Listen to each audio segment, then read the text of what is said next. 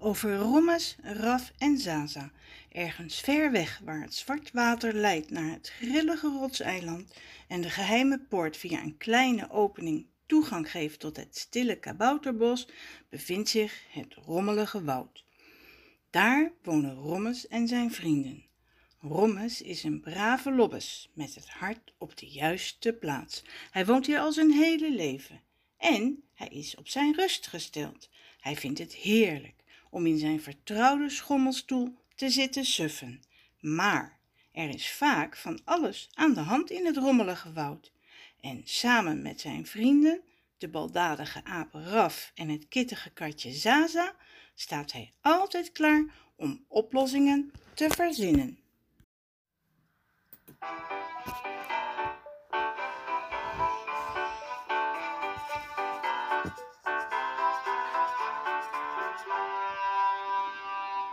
Hallo allemaal, ik ga voorlezen uit het tweede verhaal van het kinderfeuilleton Rommes, Raf en Zaza, met als titel Feest. Zoals jullie weten leven de brave Rommes en zijn vrienden Raf en Zaza al jaren in het rommelige woud. En rommelig is het daar zeker, want er gebeurt altijd wel iets dat niet gaat zoals het zou moeten gaan. Deel 1 Verjaardag Nieuwsgierig duurt Rommes door het raam van Zaza's huisje naar de enorme hoeveelheid meubeltjes en snuisterijen die daar binnen staat. Maar waar is Zaza? Hij duwt zijn neus plat tegen het glas en denkt: Dit moet er raar uitzien aan de andere kant als hij opeens een luid gekrijs hoort. Inbrekers, help! Verschrikt deinst hij terug als de voordeur opengaat en een bezem dreigend zwaaiend naar buiten gestoken wordt. Maak dat je wegkomt, klinkt het uit het huisje, of ik mep erop los. Met zijn armen beschermend voor zijn hoofd roept Rommes, ik ben het Zaza Rommes, je vriend. Even is het stil. Dan komt Zaza naar buiten, nog trillend van schrik. Rommes toch, roept ze. Waarom sta je daar zo stiekem te gluren? Kan je niet gewoon aankloppen? Ik schrik me half dood. Romme schaamt zich. Ja, een beetje stiekem heeft hij zich eigenlijk wel gedragen met dat gegluur. S, s, s, sorry, Zaza. Dat, dat was dom van me, stamelt hij. Ik, ik wilde alleen maar kijken of je thuis was. Ik wou iets met je bespreken. Iets belangrijks. Zaza's belangstelling is gewekt. Iets belangrijks? vraagt ze. Ze zet de bezem tegen de muur. Wat voor belangrijks? Rommes schraapt zijn keel en zegt een beetje gewichtig: Uh, het gaat om Raf, Zaza. Die is binnenkort jarig, zoals je weet. En nu heb ik het plan opgevat om een feest te organiseren. Een feest speciaal voor hem. Zou jij me daarbij willen helpen? Zaza knikt goedkeurend. Wat een aardig idee, Rommes, zegt ze vriendelijk. Ja, natuurlijk wil ik je helpen. Vertel maar hoe. Deel 2, neef Jacques. Raffi loopt een beetje te vlierenfluiten. Tenminste, dat denkt hij, want wat dat woord precies betekent, weet hij eerlijk gezegd niet. Maar altijd als hij zijn neef Jacques tegenkomt, zegt die tegen hem zo, Raf, beste neef, ben je weer aan het vlieren fluiten? Heb je niks nattigs te doen? En dan lacht hij er een beetje vals bij, alsof Raf een slabberde waskie, een of andere nietsnut is.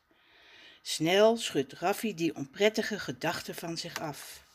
Denk aan iets anders, Raf, iets leuks, zegt hij tegen zichzelf. Rommes heb gezegd dat dat helpt als je je nare dingen in je hoofd haalt. Onthoud dat lesje nou eens. Gelukkig schiet hem snel iets leuks te binnen. Binnenkort ben ik jarig, roept hij vrolijk. Daar word ik blij van.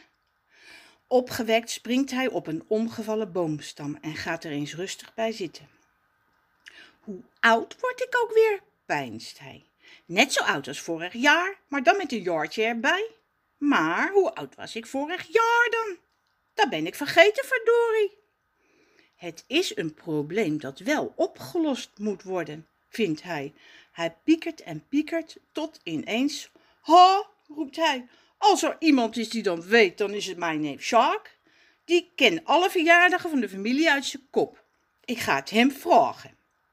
En hup, daar is hij al onderweg naar de kabbelende beekdreef waar zijn neef woont.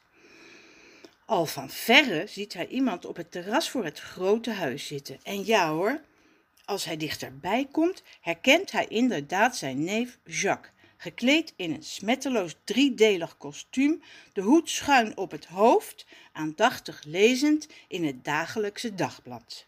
Jacques, gilt Raf enthousiast. Jackie, hier ben ik. Jacques trekt een wenkbrauw op en antwoordt kortaf. Rustig, Raf, rustig, ik zie je heus wel. Zuchtend neemt hij zijn bril af. Mijn naam is Jacques en niet Sjaak, zegt hij met bekakte stem. Je hoort het op zijn Frans uit te spreken. Hoe vaak moet ik dat nog zaggen? Zenuwachtig wipt Raffi van het ene been op het andere. Ja, ja, Sjaak, dat weet ik, roept hij. Ik wil alleen maar wat vragen. Je weet toch dat ik bijna jarig ben? Nou, hoe oud word ik ook weer? Dat ben ik even vergeten. Jij weet toch al die dingen? Jacques glimlacht minzaam. Vergeten, dat is niet slim, Raf. Treiterig traag haalt hij een klein leren boekje uit zijn zak. Zoek het maar op in deze agenda. Alle namen en geboortedata van de familie staan erin, ook die van jou. Hij zet zijn bril weer op. En zorg dat je het niet kwijtraakt, waarschuwt hij. Ik moet het terug hebben. Hij wil verder lezen, maar ziet Raf staan treuzelen. Heb je nog wat anders op je lever? vraagt hij ongeduldig. En dan, met een valse grijns, je wilt toch niet zeggen dat je nog steeds niet kan lezen, hè? Nu wordt het Raf te veel. Nee, nee, natuurlijk niet, roept hij kwaad. Ik bedoel, natuurlijk kan ik lezen en snel maakt hij zich uit de voeten, met de smalende lach van die akelige Jacques nog in zijn oren. Bah, wat is die Jackie toch een pestkop, denkt hij, maar zijn wangen kleuren vuurrood. Van woede of van schaamte? Dag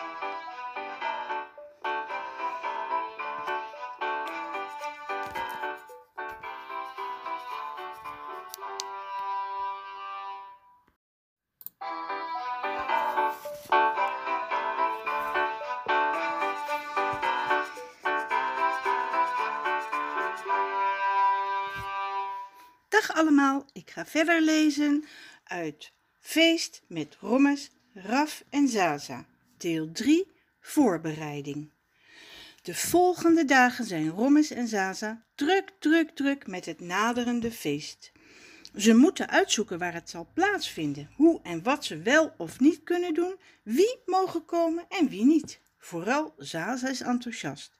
Laten we een echt diner geven, Rommes, met een wit tafelkleed en kandelaars en kaarsen.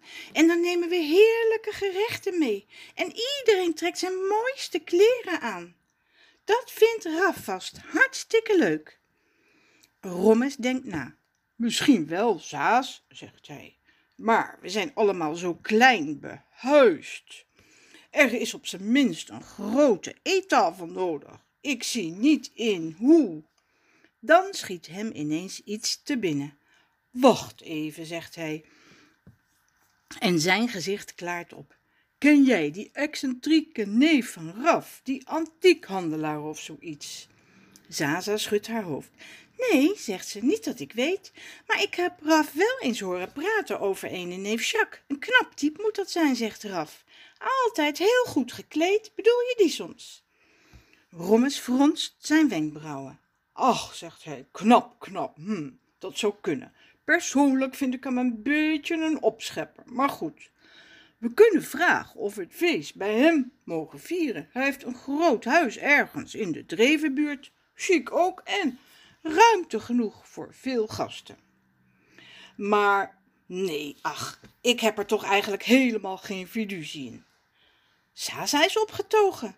Dat klinkt geweldig, Rommes. Laten we eventjes bij hem langs gaan. Hij zal het heus wel goed vinden. Ten slotte is Raf zijn neefje. Zo gezegd, zo gedaan. Onderweg babbelt Zaza honderd uit over hun plannen. En ze wordt bij voorbaat al vrolijk als ze zich Raffi's reactie bij haar vers gebakken bananentaart voorstelt. En van de weeromstuit ziet Rommes al voor zich hoe Raffi zijn vingers af zal likken bij het opsmikkelen van zijn gegrilde paddenstoelenbroodjes. Nu alleen nog beslissen welke sapjes ze erbij zullen schenken en welke gerechtjes daar dan weer bij horen. En ze praten en praten, al wandelend, tot Rommes niet meer kan. Hij moet even bijkomen. Een dutje zal hem goed doen. Vind je het erg, Saas, zegt hij, als ik... Oh, gaapt hij, terwijl hij tegen een boomstam gaat zitten. Nee hoor, zegt Saza, rust jij maar lekker uit. Zelf loopt zij wel alvast in de richting van de kabbelende beekdreef, waar het huis van neef Jacques ergens moet staan. Het zal wel zoeken worden, denkt ze, want ze is nog nooit in de drevenbuurt geweest. Maar dat heeft ze er wel voor over. Een knap type, hè, mijmert ze. Hmm, wie weet, misschien. Koket veegt ze een lok haar uit haar ogen. Kom op, Saas, hou op met die flauwekul. Eerst maar eens zien wat hij van ons idee vindt. En ze zet er flink de pas in. Deel 4. Kunstenaar. Van onder zijn alpinopet tuurt kunstschilder Lodewijk Bok geconcentreerd naar een knoestige boomstronk die als tafel lijkt te dienen. Er staat een karaf met water op en ook liggen er verschillende noten, fruit en paddenstoelen. Het lijkt een aparte combinatie, maar alles is zo keurig gerangschikt dat het ook weer gewoon lijkt. Vanuit het niets landt daar ineens een eekhoorn met roodbruine staart middenin het stilleven, vlak naast een stapel beukennootjes. En voordat Lodewijk kan reageren, heeft ze er al een paar opgepeuzeld. Heffig dikke me Pepita, briest hij. Wat doe je nou weg? Hoe kan ik nou in vredesnaam een stil leven maken als het niet meer stil is? Ik was zo de ju echt niet van plan een levensschilderij te maken. Pepita werpt een vluchtige blik op de knorrige kunstschilder. Oh, was dat een stilleven, Lodewijk, grinnikte. Ik dacht dat je gewoon de tafel gedekt had omdat je honger had, net als ik. En voordat de schilder het haar kan beletten, propt ze wat paddenstoelen in haar mond, eet daarna nog een handje noten en spoelt de restanten met water weg. Daarna veegt ze de overgebleven schillen achterloos op een hoop. Maak je toch niet zo druk, schampert ze. Er blijft nog genoeg over voor jouw schilderij. Wees blij dat ik wat variatie in jouw stilleven aangebracht heb. Het zag er saai uit. Dat zal wel, ja, barst Lodewijk uit. Voor jou is alles saai hier. Te gewoon, hè, volgens mevrouw Pepita la met de buitengewone naam. Wanneer, verdorie, pas jij je eens aan bij hoe wij hier leven? Claro, antwoordt Pepita. Ik heb een aparte naam, signor Cabron, oftewel meneer Bok. Natuurlijk heb ik een aparte naam, want ik kom uit het zuiden. Daar spreken ze anders en hebben ze andere namen. En zal ik jou eens wat vertellen? Daar is het helemaal niet saai. Want daar deelt iedereen het eten met elkaar en schijnt de zon altijd. Hooghartig draait ze zich om en trippelt weg met een arrogant zwiepende staart. Boos op Pepita, maar meer nog op zichzelf, buigt Lodewijk zich over zijn palet. Ik moet me niet altijd zo opwinden, Jan Dori, bromt hij geërgerd. Er zijn nog genoeg noten en paddenstoelen in het bos. Om kalm te worden plukt hij even aan zijn sikje en mompelt. Aan de slag dan maar weg. Voorlopig met wat die vervelende Pepita overgelaten heeft.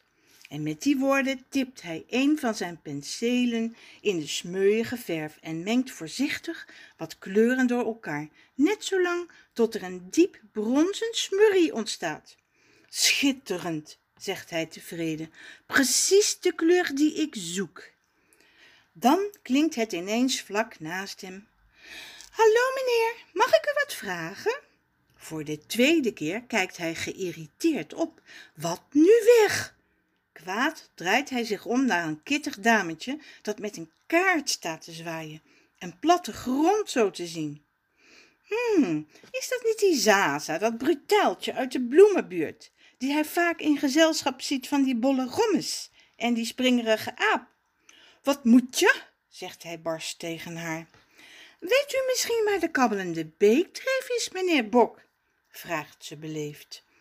Lodewijk knippert verbaasd met zijn ogen. Misschien is ze toch niet zo brutaal als hij dacht. Eigenlijk klinkt ze best aardig. Aardiger dan die ongemanierde Papita die zijn voedsel pikt en rotzooi maakt op zijn terrein. Nog wat nors wijst hij Zaza welke route zij moet nemen. Ingewikkeld hoor, zegt ze. En ze kijkt hem zo hulpeloos aan dat hij zo waar besluit haar een stukje op weg te brengen. Dat stilleven moet dan maar even wachten. Schokkend gaat hij Zaza voor naar de beekdreef en zij volgt hem dankbaar. Honderd uitbabbelend over de plannen voor Rafs feest. Ze nodigt de kunstenaar daar ook maar meteen voor uit, want ze vindt hem eigenlijk toch wel aardig. Aardiger dan ze gedacht had.